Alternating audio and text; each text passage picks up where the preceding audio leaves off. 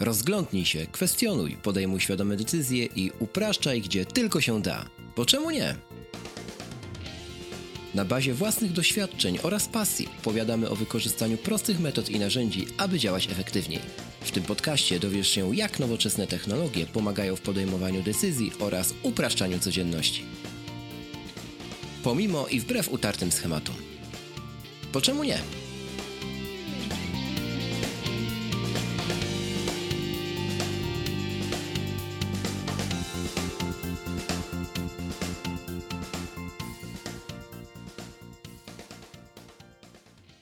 40 odcinek, bo czemu nie? Z tej strony Rafał Sobolewski i po drugiej stronie mikrofonu jest jak zawsze ze mną Krzysiek Kołacz. Cześć Krzyśku. Cześć Rafale, witam i pozdrawiam z Krakowa. W tym odcinku odpoczniemy trochę od tematów technologicznych i porozmawiamy sobie o pierwszej pracy. Mieliśmy już odcinek, kiedy zastanawialiśmy się, czy lepiej iść na studia, czy od razu rozpoczynać karierę zawodową. No i dzisiaj właśnie skupimy się na tym drugim. Postaramy się, aby było dla Was kilka praktycznych porad, zledzimy naszym zdaniem nasze dobre praktyki i postaramy się obalić kilka mitów związanych z poszukiwaniem pracy i zdobywaniem doświadczenia zawodowego. Krzysiek podpowie Wam, jak można zepsuć łatwo CV oraz porozmawiamy trochę o tym, jak zdobyć dobre referencje i czy ktoś w ogóle jeszcze z tego korzysta. No i na koniec przypomnimy oczywiście o tym, że internet nigdy nie zapomina. Przenigdy. Przenigdy.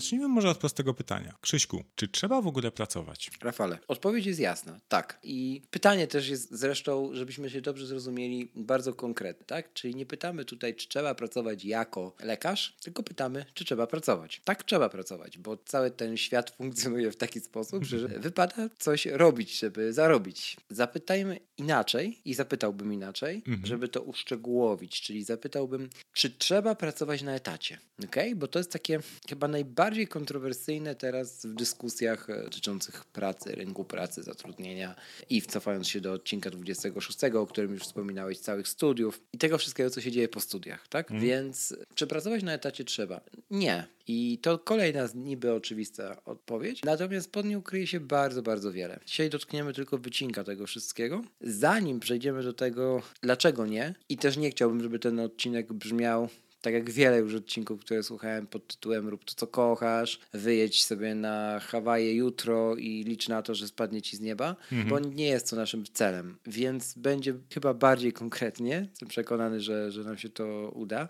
Natomiast zanim do tego przejdziemy, to takie pytanie jeszcze jedno pomocnicze do tego stwierdzenia, że nie trzeba pracować na etacie. To jest takie pytanie, które gdzieś tam jak przygotowywałem się do tego odcinka, to kilka razy przeredagowywałem, aż w końcu wyszła jego finalna wersja, która brzmi tak. Czy ty masz to, o czym myślisz, czy masz to, według czego aktualnie warunkujesz swoje bytowanie, nie? Czyli masz to, o czym myślisz, czy myślisz według tego, co aktualnie masz? Tak powinno to brzmieć. I o co w tym chodzi? Bo Wiele osób bardzo lubi przyjmować tak za punkt wyjścia taką perspektywę, rozglądnę się dookoła siebie, zobaczę, że hmm, Maybach nie stoi pod blokiem, iPhone 10 e, Max Super Turbo nie ma w kieszeni. Bo się nie mieści.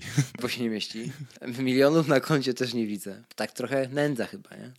I o ile my z takiej perspektywy wyjdziemy do tego wszystkiego i zaczniemy podchodzić, to to tak, to no, będzie nędza, nie? To w 90% będzie nędza. Wiele też jest publikacji i cały dział psychologii poznawczej jest na ten temat temu poświęcony też, czyli nastawianiu się do rzeczywistości, nie? Jak sobie mówisz i będziesz głęboko w to wierzył, że jutro będziesz miał zły dzień, przebiegnie ci drogę czarny kot, a szef cię wywali z pracy, to prędzej czy później się to stanie, nie? Mhm. Natomiast jeżeli my przyjmiemy taką perspektywę, że masz to, o czym myślisz, o czym marzysz, czyli tę pozytywną perspektywę, a przynajmniej masz szansę to mieć, jeśli spróbujesz, no to zupełnie to zmienia postać rzeczy i całą optykę patrzenia na to, czym się zajmujemy, czym chcemy się zajmować i tak dalej. Ale zanim w ogóle człowiek podejdzie do tego tematu, to wiemy, Rafał, że ty masz takie jedno słowo, które jest u ciebie triggerem. Jeżeli ja mówię do ciebie, Rafał, ty i rynek pracy, to ty mi odpowiadasz, Krzysiek. Rozwój. Dokładnie. Dlaczego rozwój, a nie na przykład duża wypłata? Dlaczego Rafał Rozwój? Oczywiście rozważamy przypadek, kiedy zaczynamy naszą karierę zawodową, czyli jesteśmy młodzi. Tak nie mamy rodziny, więc automatycznie nie mamy też dużych wydatków. O tym w zasadzie był cały odcinek The Podcast, gdzie Michał i Radek rozłożyli to na czynniki pierwsze. W każdym razie w skrócie chodzi o to, że póki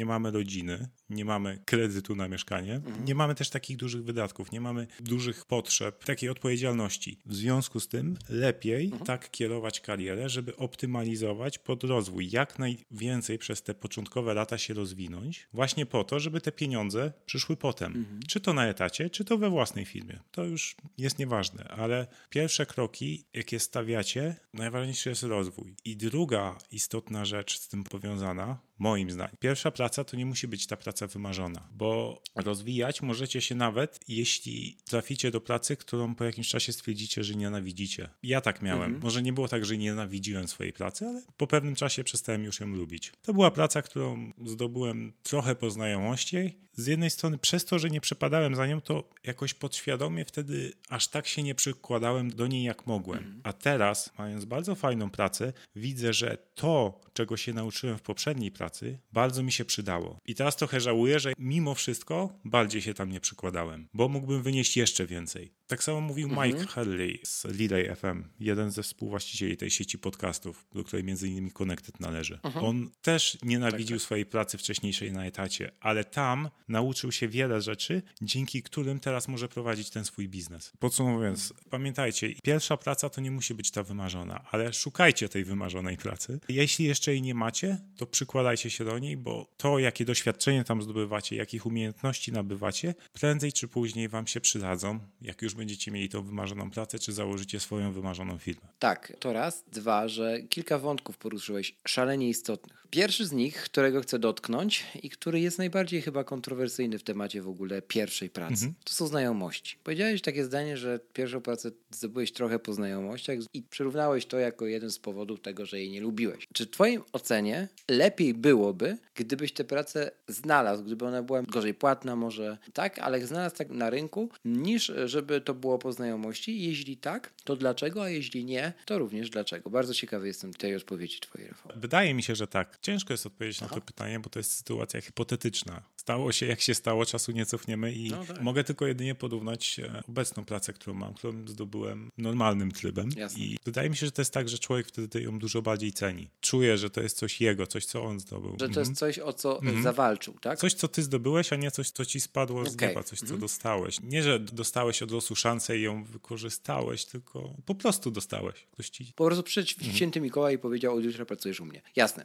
I teraz chciałem, żeby to padło, że to nie jest coś, co ci spadło z nieba właśnie, bo my bardzo często w tej dyskusji o pierwszej pracy mylimy dwie kwestie. Pierwsza z nich to jest kwestia, że znajomości mhm. są od razu nacechowane pejoratywnie. Ja wiem, że to jest związane z tłem historycznym i kulturowym Polski. Zdaję sobie z tego sprawę. Natomiast mamy 2018 rok. Rynek pracy wygląda tak, że jeżeli cię na tym rynku nie widać i tutaj jest ergo temat marki osobistej, budowania sieci kontaktów, networkingu, chodzenia na wydarzenia, uczestniczenia w bezpłatnych warsztatach, webinarach, kursach, czy pokazywania się w sieci, nawet komentując, nie mówię, że trzeba być od razu vlogerem, to są czasy zastane i my musimy się do nich odnosić, tak? I jeżeli my do jednego mianownika sprowadzimy to pejoratywne pojęcie znajomości jako czegoś złego właśnie, jako czegoś takiego, że my nie umiemy, a mhm. ktoś nam daje posadę, na którą nie zasługujemy,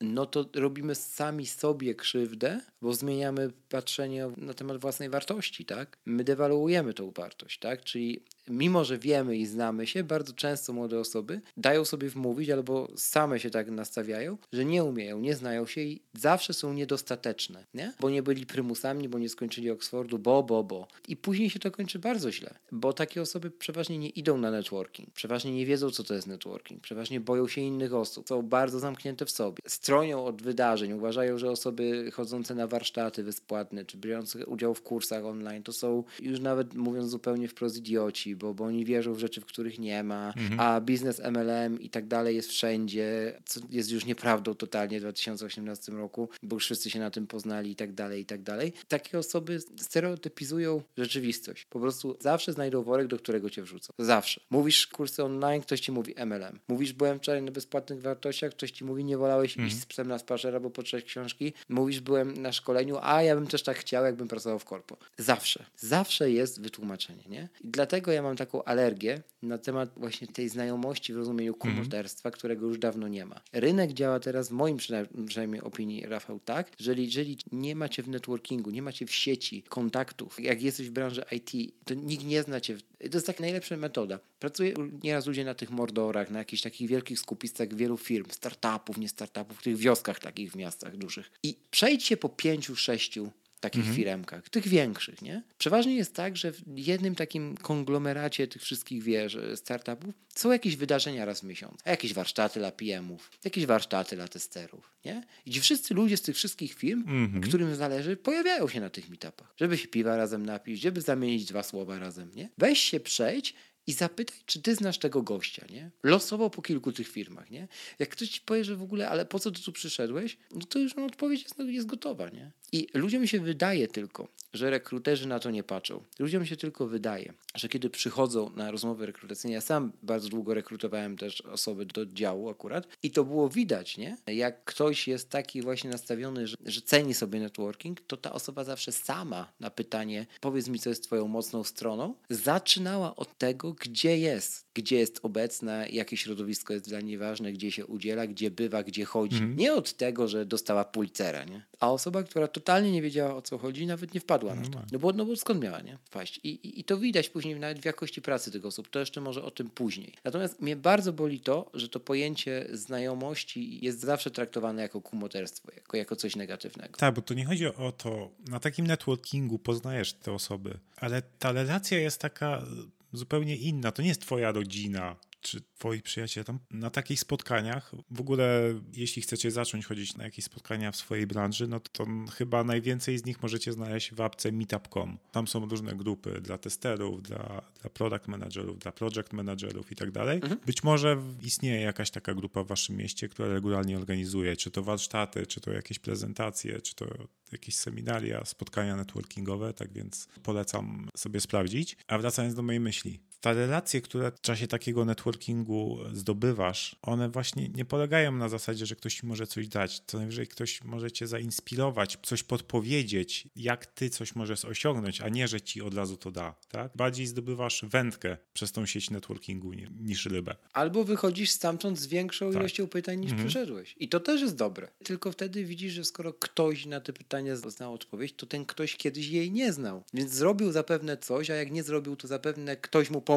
się dowiedzieć. Mhm. A jak mu ktoś pomógł się dowiedzieć, to może warto zapytać, kto mu pomógł i tak dalej, i tak dalej. Nie? I jeżeli tak by większość podchodziła do tego tematu, to my byśmy nie mieli kryzysu na rynku pracy w jednym czy drugim etapie funkcjonowania tego kraju. I ja wiem, że wszystko, całe tła historyczne trzeba brać pod uwagę, ale ciągle, nie? Wszystko zaczyna się w nas, nie? Hmm. Na tych spotkaniach moim zdaniem to jest bardzo fajne, że możesz spotkać ludzi, którzy już rozwiązali podobne problemy, które ty masz teraz u siebie w pracy. Możesz zdobyć doświadczenie, bazować na czyimś doświadczeniu, plus też podzielić się swoim doświadczeniem, co też pozwoli ci lepiej zrozumieć problemy, które już zdążyłeś rozwiązać. W pełni się zgadzam. Jeszcze jest jedna sprawa związana ze znajomościami i tym postrzeganiem tego wszystkiego, bo jest jeszcze jeden przykład. Załóżmy, że obracałeś się w środowisku dotyczącym tego czy tamtego przez N lat. Jako licealista, potem student, interesowałeś się, ok? Więc poznałeś wiele osób, które też były świrami podobnymi jak mhm. ty. Też się w tym wszystkim interesowały. Teraz jedna z tych osób pozwala ci znaleźć pracę. Lata później, nie? Kiedy już jesteś dorosły. I bardzo wiele osób z otoczenia nazwie to właśnie kumoterstwem, nie? Że to był twój przyjaciel, twój dobry znajomy, twój kumpel. No to jakby mi kumpel załatwił pracę, to też bym, też bym miał dobrze nie? Nie biorąc zupełnie pod uwagę całego tego N-letniego backgroundu, całej tej relacji, całej tej pasji do wspólnej, mm. do mhm. czegoś, nie? Tylko na zasadzie takiej, że poznałeś wujka z dzisiaj, który leży na milionach, poszedłeś z nim na kawę i wujek z dzisiaj ci załatwił posadę, nie? Wiesz, zupełnie, zupełnie nie od tej strony, nie? Co trzeba. To też mnie strasznie denerwuje, bo z jednej strony ludzie, wiesz, mówią, że jak fajnie by było mieć taką jakąś zajawkę, taką jakąś pasję, bo wszyscy do tej pasji tak mówią, podczas gdy jak już w końcu ktoś ma tę pasję, to ci sami ludzie mówią, e, no nie, ma co, nie ma co robić, zająłby się życiem, a nie te grzyby zbierał i tak dalej. Nie? Wiesz, nie? zupełnie nie, wiesz, ten kontrast, nie wiem, czy dokładnie rozumiesz, o co mi chodzi, nie? ale takie zderzenie właśnie, że jedna osoba potrafi w takich dwóch rolach jednocześnie nieraz występować. Nie, nie wiadomo w sumie o co jej chodzi, Mhm. ale o co jej chodzi. Podsumowując temat znajomości, znajomości nie są złe, ba są konieczne. W tym rozumieniu właśnie networkingu, w budowaniu sieci kontaktów, czy, czy uczestniczeniu w życiu branży, do której aspirujecie. Tak, i to jest konieczne do rozwoju twojego, o którym mówiliśmy W wcześniej. 100%. Bo jeśli nie ma od kogo, to sam się nie nauczysz, skoro musisz się uczyć w ogóle, nie? Idąc dalej z tym tematem jeszcze, to wspomniałeś o tej pracy, której nie trzeba lubić, nie? Pierwszej pracy. I, ja się z tym zgadzam. Ja się z tym zgadzam i mam takie jedno mm, zdanie, które usłyszałem u Casey'ego Neistata, który jest gościem jakim jest, ale gdzieś tam sporo mnie inspiruje. I Casey powiedział kiedyś takie zdanie, które się przebiło właśnie do mediów i też do mass mediów i, i gdzieś tam jest z nim identyfikowane bardzo mocno, które brzmiało, że ty nie masz wpływu na to, czy jesteś najlepiej urodzoną osobą w pomieszczeniu, załóżmy biurowym. Nie masz wpływu na to, czy miałeś bogatych rodziców, którzy skończyli Oxford. Nie masz wpływu na to, czy miałeś dobry poranek, czy, czy zły, czy padał deszcz, czy, czy zapomniałeś czegoś z domu. Wpływu, który miałbyś w 100% zawsze pod kontrolą, ale masz wpływ na to, czy będziesz najciężej pracującym pracownikiem w tym biurze, nie?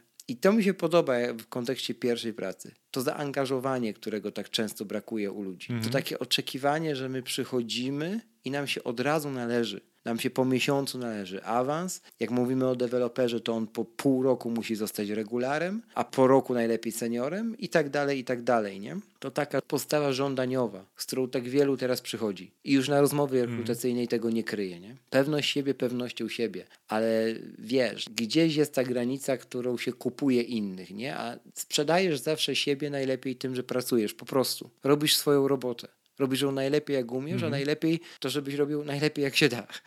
Więc to jest szalenie istotne. No tak, i to dzięki temu się rozwijasz. I jesteś zauważany. Tak, a je, jeśli jeszcze po godzinach dalej stawiasz na rozwój, właśnie na tych spotkaniach, na meetupach o product managemencie we Wrocławiu, przychodzi junior developer, który programuje, pracuje od 9 miesięcy, ale już się uczy tych, tych rzeczy związanych z product managementem, bo wie, że chce iść w tym kierunku. Dokładnie. Ma wizję siebie.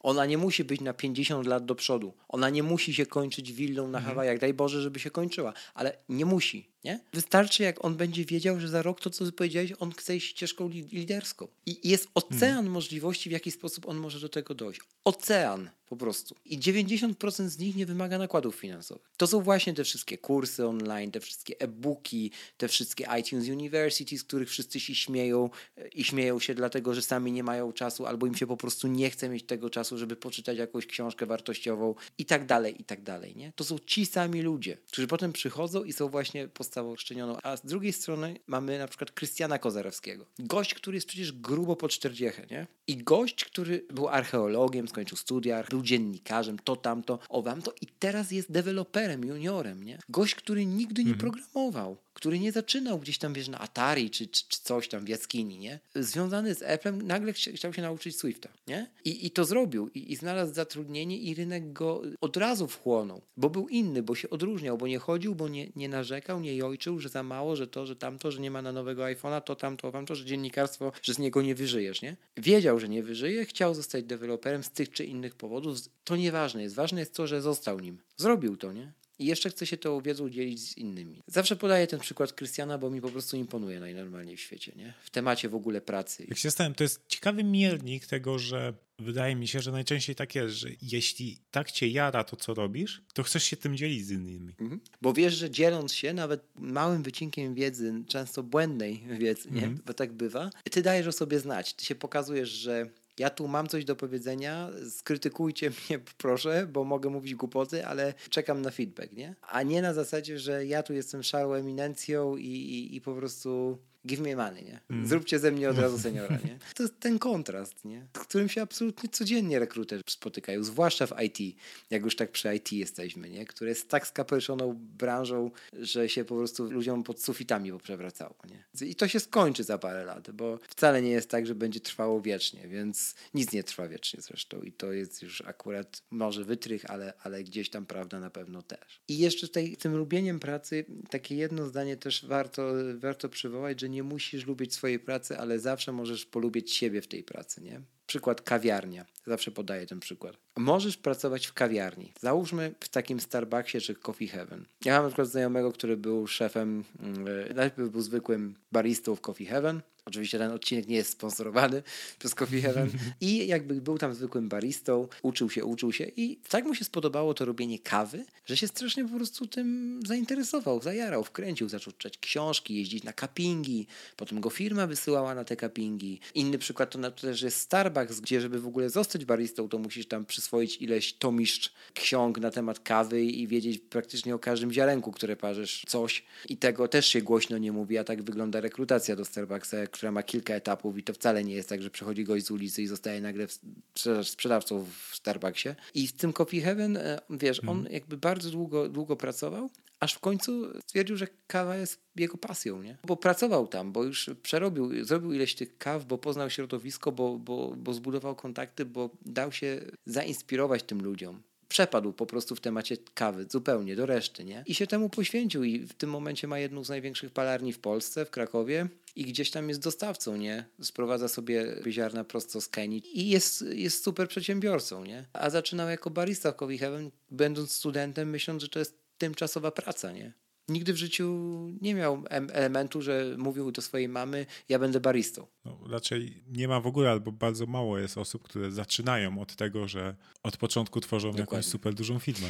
Dlatego otwartość, przede wszystkim otwartość i chęć poznawania innych i umiejętność słuchania też innych, nie? Nie musisz się ze wszystkimi zgadzać, ale jak ktoś ci opowiada swoją historię i jest to, nie wiem, analiza jakichś tam płazów żyjących gdzieś tam, ej, come on, on się tym interesuje. To znaczy, że to, co powiedziałeś, Rafał, poświęca po mm. godzinach swój czas zamiast spać albo robić cokolwiek innego, bo go to cieszy, nie? Nie musi ciebie cieszyć, ale wysłuchać warto i bo nigdy nie wiesz, nie? To właśnie o to gdzieś tam mi chodzi. To chyba chciałem też tak powiedzieć właśnie. No i teraz chciałbym też trochę powiedzieć o temacie takich barier pod tytułem grupy społeczne, czyli na początku no to ta najmniejsza jednostka, czyli rodzina, nie? która zawsze ma tysiąc lepszych sposobów i pomysłów na ciebie mm. niż ty sam. Nie jest tak? Pewnie jest, chociaż ja tutaj akurat nie mam negatywnych tak doświadczeń. Nie masz, okej. Okay. No, no to pozazdrość. Natomiast bardzo często tak jest, że właśnie rodzice mają najlepszą wizję ciebie, a nie, niekoniecznie słuchają tego, co, co byś chciał robić. Temu też warto gdzieś tam powiedzieć nie. Chociaż muszę powiedzieć, że było małym wyzwaniem sprzedanie mojej rodzinie tego, o, że pójdę pracować do firmy, która nie ma biura.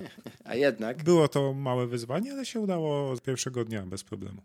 No ale to jest specyficzny przykład. Natomiast jeszcze druga kwestia tych barier zewnętrznych to jest czekanie na właściwy moment. Ludzie potrafią całymi latami czekać na właściwy moment. Nie? Są na drugim roku licencjatu, mają poukładane studia, idzie im dobrze, są prymusami, ale będą czekać do momentu skończenia studiów, żeby pójść na pierwszą pracę, nawet na praktyki. Czemu? No bo najpierw trzeba skończyć studia. Mm. Rozumiesz, nie? I ten moment już nigdy potem nie jest tym momentem, nie? Więc... Mhm. Wiem, co mówisz, ja tak miałem. No, no więc właśnie. Ja miałem zgoła inaczej, bo ja od 16 roku życia tak, e, pomińmy kwestię legalności, pracuję gdzieś tam i zarabiam, zarabiam pieniądze. I na początku kompletnie nie potrafiłem, już o tym mówiłem w innych odcinkach, nie potrafiłem sobie w ogóle poradzić z tym faktem, że zarabiam pieniądze, że mam te pieniądze, że z tymi pieniędzmi mogę coś zrobić innego, niż od razu je wydać, kiedy one do mnie przychodzą. Mhm. Ale dzięki temu mam to doświadczenie, nie? Mam doświadczenie uczenia się, potem doświadczenie konstruowania budżetów domowych i tak dalej, i tak dalej. Nie? Gdybym tego nie miał, nie popełnił tych N błędów, nie zobaczył na N błędów innych, także bliskich, to nie byłbym tu, gdzie jestem dzisiaj, nie? I to też szalenie jest istotne. Ja mam takie przekonanie i święcie w to wierzę, że trzeba zacząć jak najwcześniej. Że o ile y, można mówić gdzieś tam mm, o wieku przedszkolno-podstawówkowo, tym takim jeszcze dziecięcym, że to trzeba pielęgnować, bo to już nigdy nie wraca, to o tyle już wiesz, liceum, technikum, czy już na pewno studia, pierwsze lata studiów, to, to już nie jest jakiś czas na sentymenty, nie. To już jest czas na pracę, na, na organizowanie sobie środowisk, budowanie kontaktów, poznawanie ludzi, po prostu poznawanie ludzi. I nie warto tego moim zdaniem przegapić, nie warto tego moim zdaniem odkładać. Nawet gdyby te studia, to przecież świat zna setki takich przykładów, nie? Nawet gdyby te studia miały przez to nie wyjść, to może tak naprawdę nigdy nie powinny były wyjść, nie? Mhm. Życie. Zresztą to widać na naszym przykładzie. Tak. Ty, Krzysiek, jesteś ode mnie kilka lat tak. młodszy, a jesteśmy w podobnym miejscu no, teraz. Dokładnie. Dokładnie tak, więc nigdy nie żałuję tego. Bo wcześniej zacząłeś. Tak, nigdy nie żałuję tego, że, że właśnie, że wcześniej zacząłem, nie? Choć bywało różnie, to, to zdecydowanie uważam, że to jest najlepsze, co, kontekście zawodowym, co mi się przytrafiło. Trochę o tych CV. A i jakbyś tak podsumował, to w ilu miejscach pracowałeś? Ciekawość. Łącznie od, od tego 16 roku życia. To poczekaj, muszę e, na żywo policzyć. Ośmiu. W ośmiu. A z tego takie, Etatowe? takie już na etacie? Trzech. Trzech. I te 8 to nie licząc dorywczych rzeczy freelansowych, nie? Czyli takich rzeczy robionych na umowę zlecenia czy umowę o dzieło, nie? Tak, więc no mało dużo różnie można oceniać. Dla mnie dużo, bo to dużo historii za tym stojących. Dużo pomyłek, dużo porażek, dużo plucia sobie w twarz, dużo zaniżonego poczucia wartości, które potem zaowocowało lepszymi efektami. Mówię tutaj na przykład o cenieniu siebie i swojej pracy i tak dalej, i tak dalej. Nie? Tak. To jest właśnie ten rozwój, o którym mówimy. On nie jest od początku taki różowy. Przykład ze stawkami zawsze mi się podoba i zawsze go rzewnie wspominam. Nie? Że dawniej człowiek, kiedy przychodziło zlecenie nawet za kilkadziesiąt złotych, cieszył się i podskakiwał, chociaż kilkadziesiąt złotych to nie jest tak, że było wtedy dla niego jakąś bardzo dużą kwotą. Ja już mówię o tym etapie, kiedy, kiedy mógł zarabiać więcej i wiedział, że może to robić. Nie? A mimo tego godził się nie? poświęcać N godzin za taką stawkę. Nie? I wiesz, i w końcu przychodzi moment, kiedy stwierdzasz, że już po prostu masz tego tak dużo nie? i teraz możesz zrobić dwie rzeczy. Zostawić to i, i tyle, a możesz to zostawić, ale że tak powiem z hukiem. I ja wybrałem tę drugą kwestię pod tytułem i koniec końców dzięki temu nie zostawiłem żadnej z tych pasji czem zajawek. Zostawić z hukiem to znaczy powiedzieć, nie bać się powiedzieć swojemu stałemu klientowi, że słuchaj, ja okej, bardzo chętnie dla ciebie to zrobię, ale podnoszę swoją stawkę o 300%. Nie? I szczerze, trzy razy mi się zdarzyło, że ktoś powiedział, że chyba mnie pogie tego, na 10 może przypadków, kiedy pozostałe osoby nawet się nie zająknęły. Wręcz powiedziały, że to totalnie rozumiały. A dlaczego tak powiedziały? Bo doskonale wiedziały, że, że na mnie żerowały, nie? Więc im automatycznie było głupio się do tego je przyznać i tak dalej, i tak dalej. To są takie lekcje, które się pamięta chyba do końca życia. Ja na pewno jestem pewien, że będę je pamiętał do końca życia, nie? I to jest właśnie super, że mogę dzisiaj o tym mówić, że mogę to sobie wspominać, że wiem, że do czegoś to doprowadziło w ogóle, nie? Że to było po coś. Dla takich wspomnień i, i, właśnie doświadczeń według mnie warto. Pogadajmy może o CV teraz, Rafał, trochę, bo tak wywołałeś na, początku, na początku ten temat CV. To jest prozaiczny temat, ale strasznie śmieszny. Pytałem cię, w ilu miejscach pracowałeś, a jesteś w stanie powiedzieć, do ilu miejsc wys- wysłałeś CV? Tak, do trzech. Do trzech. A pracowałeś w ośmiu. Jak to zrobiłeś? Z siecią kontaktów. Dokładnie tak. Siecią kontaktów i to tą wersją, o której mówiłem na samym końcu tego wątku, nie? Czyli ja po prostu zawsze byłem blisko technologii, nie? Najpierw jak były PC-ty, to byłem totalnym freakiem, wiesz, taktowania procesorów, przekręcanie, etc. Potem jak przyszły Maki, no to wiemy, kim jestem dziś, nie? Więc, no. Więc jakby od, od zawsze. I to później można powiedzieć, że łączyło kropki, nie? No dzisiaj mam takie sytuacje, zresztą dobrze o tym wiesz, że dzieją się rzeczy, których nigdy bym się nie spodziewał, dotyczące osób, których nigdy nie chciałem poznać, ani z logicznego, racjonalnego punktu widzenia nie miałem prawa ich poznać. A mimo to się te osoby pojawiają Mhm. i dzieją się super rzeczy. No tak to działa po prostu. I uważam, że, No tak to działa. No, że, że po prostu tak już jest. I CV. Temat CV jest o tyle śmieszny, że bardzo wiele osób to wynika z jednej podstawowej rzeczy, już nawet nie z dwóch, z jednej. Ta rzecz się nazywa technologia informacyjna i ma miejsce w liceach. Już pomijając to, że ludzi uczy się, że Word jest programem do pisania, a nie procesorem tekstu i jedynym, jaki istnieje na świecie w ogóle, pomijając w ogóle to, o czym już mówiliśmy, to na tych lekcjach technologii informacyjnej jedyną rzecz, na którą i ministerstwo, i, i, i ci nauczyciele mają pomysł, to jest zrobić zajęcia z zrobienia prezentacji w PowerPoincie, bo przecież to tylko PowerPoint do tego służy, i nauczyć się pisać CV. I to nauczenie pisać się CV to jest wpisz w Google szablon CV, uzupełnij swoimi danymi dan. Gdybym ja nie, nie czytał tych CV N10, już nie wiem, czy nawet nie ponad, no na pewno ponad 100, i nie zobaczył iluś 10% CV skopiowanych z Google'a, to bym nie uwierzył. A widywałem CV, które miały nieusunięte nagłówki. W sensie tu wpisz swoje imię i nazwisko. Bo ktoś nie umiał wyedytować szablonu, tego master szablonu, nie? Dokumentu. Tak, ale w branży IT widywałeś takie CV? To były osoby, które pracowały w ogromnych korporacjach. To nie do uwierzenia po prostu. CV przestaje mieć już teraz znaczenie. Wiesz co, ja bym prędzej uwierzył, że takie osoby mogą pracować w ogromnych korporacjach niż w małych Tak, firmach. tak, to jest inna kwestia, na zupełnie inny odcinek. Natomiast e, e, rozumiesz, Rafał, nie? W którym to kierunku, nie? Jeżeli chcecie już przygotować sobie CV, to ja teraz zawsze doradzam zrobienie czegoś zupełnie od czapy, ale co ma absolutnie dużą skuteczność pod tytułem, że podejdziecie do sprawy jak to do wszystkich spraw zawodowych na serio, nie? Czyli, no może nie wszystkich, ale większości. Otóż sprawdzić jak najwcześniej się da, czy domena, imię, nazwisko wasze z .pl nie jest czasem wolna. Bo jak jest, mhm. to jesteście już urodzeni pod szczęśliwą gwiazdą, bo to się rzadko zdarza. I kupić tę domenę. I naprawdę opłacać ją co roku. Po co? Bo nie ma nic lepszego niż mieć swoją domenę imię i nazwisko.pl i zrobić sobie tam wizytówkę. I taka wizytówka, krótko kim jesteś, umieszczasz sobie wtedy swoje osiągnięcia zawodowe, takie wirtualne CV. Co to daje? Ano daje to, że jak masz komuś na przykład powiedzieć coś więcej o sobie, to wysyłasz mu jednego linka a nie zastanawiasz się, czy PDF się otworzy, czy wysłać to może w Wordzie, a może w pięciu językach i tak dalej, i tak dalej. Mhm. I wierz mi, że rekruterzy na to mega patrzą. To jest też powiązane z marką osobistą, nie? Że komuś się chciało po prostu w zalewie tych CV właśnie z lorem ipsum w nagłówkach, nie? Tomek Szykulski taką tak. w magazynie. Tak, tak, tak. Takie coś tak, zrobił tak, chyba dwa lata dwa temu i, no. i, w Australii bez problemu miał mnóstwo propozycji fajnych. Tak, prac. bo tam podobno prawie nikt tego nie miał. Do, dobry przykład. To jest jedna kwestia. Druga kwestia, że jak już opieracie się na zrobienie tego w CV, to zróbcie je najprościej jak potraficie, ale sami. Nie? Ja nie mówię, że szablony są złe, ale sami w rozumieniu tego, że nawet jak korzystacie z jakiegoś szablonu, no to naprawdę nie tylko uzmienić dane w tym szablonie, nie? tylko poświęcić na to czas. CV naprawdę nie musi mieć 20 stron. Ja tak powiem szczerze, że jak CV ma więcej niż 3 strony A4, co już się krzywo na to patrzy, to nikt go nie czyta. Choćbyście nie wiem, gdzie mm. pracowali. Bo ludzie, którzy pracują w Google, Apple, Facebooku i tak dalej, mają CV na pół strony. Dlaczego? Bo oni nie muszą e, pisać więcej, nie? To też sobie warto uświadomić. Standardowo się przyjmuje, że takie dwustronnicowe CV to jest takie CV OK. Dwie strony A4, nie? Już naprawdę da się tam wszystko zawrzeć, co powinno rekrutera interesować. Natomiast elaboraty się zdarzają. Tak samo jak zdarzają się jeszcze listy intencyjne, które są już totalnie hmm. jakimś reliktem przeszłości. Żaden rekruter, zwłaszcza branży IT, nie ma czasu czytać waszych listów intencyjnych i epopei na temat tego, jak to kiedyś użyliście pierwszy raz klawisza Enter. To kompletnie nikogo nie interesuje, nie? Nikt nawet nie poświęca czasu, żeby tego czytać, bo jest taki deficyt akurat w tej branży, nie mówię, że w każdej, taki deficyt pracowników i taka presja zatrudnienia, że nie ma czasu na to. To tak tytułem uświadomienia trochę, że wszystko zależy też, gdzie aplikujecie. I to jest ta trzecia rzecz, o której chciałem powiedzieć. Bo jak aplikujesz, wiesz, do danej branży, to w niej liczą się inne rzeczy niż w innej branży. I to może się wydawać oczywistą oczywistością, ale wierz mi, że mało osób o tym pamięta.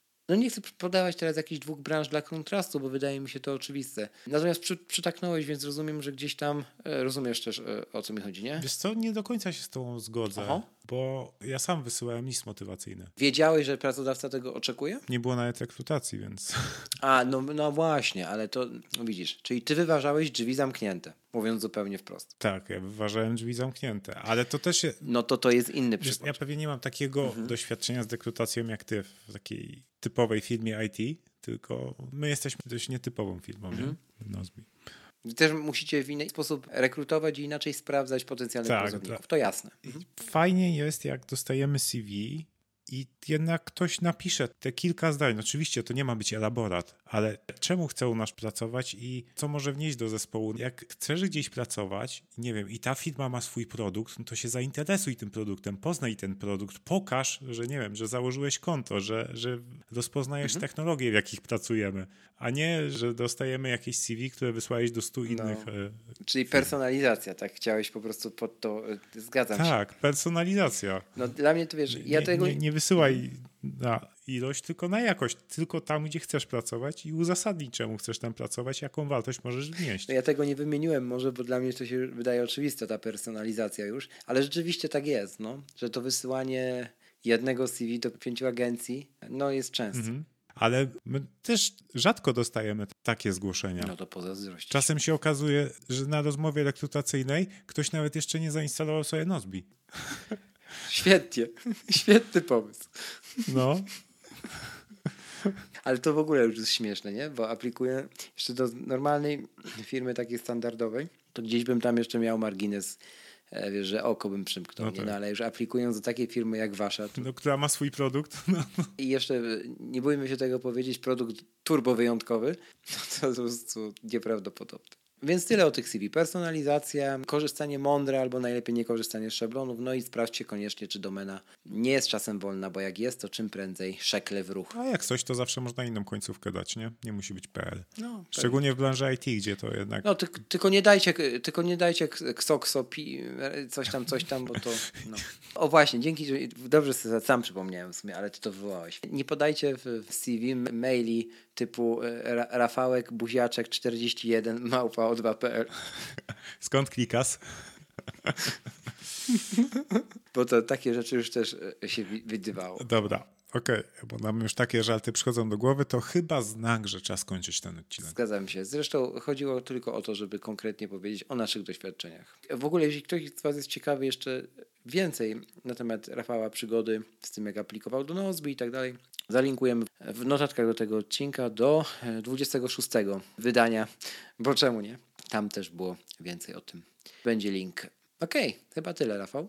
Zatem dziękuję Ci bardzo za podzielenie się też swoim osobistym doświadczeniem, bo to takie odcinki zawsze szczególnie doceniam, kiedy je nagrywamy. I co? I mamy nadzieję, że też dacie nam znać w komentarzach jeśli chcecie oczywiście, na temat tego, co myślicie obecnie o zdobywaniu pierwszej pracy. Może podzielić się doświadczeniami swoimi z pierwszej pracy, a jeżeli chcecie to zrobić gdzieś prywatnie i bardziej intymnie, to możecie zawsze napisać maila. Przypominamy, że skrzynka kontakt małpa nie.pl działa i nawet odpisujemy na te maile. I tym optymistycznym akcentem kończymy. To był 40 odcinek podcastu Bo Czemu Nie? Z tej strony żegna się Rafał Sobolewski i Krzysiek Kołacz. Trzymajcie się i działajcie bo czemu nie?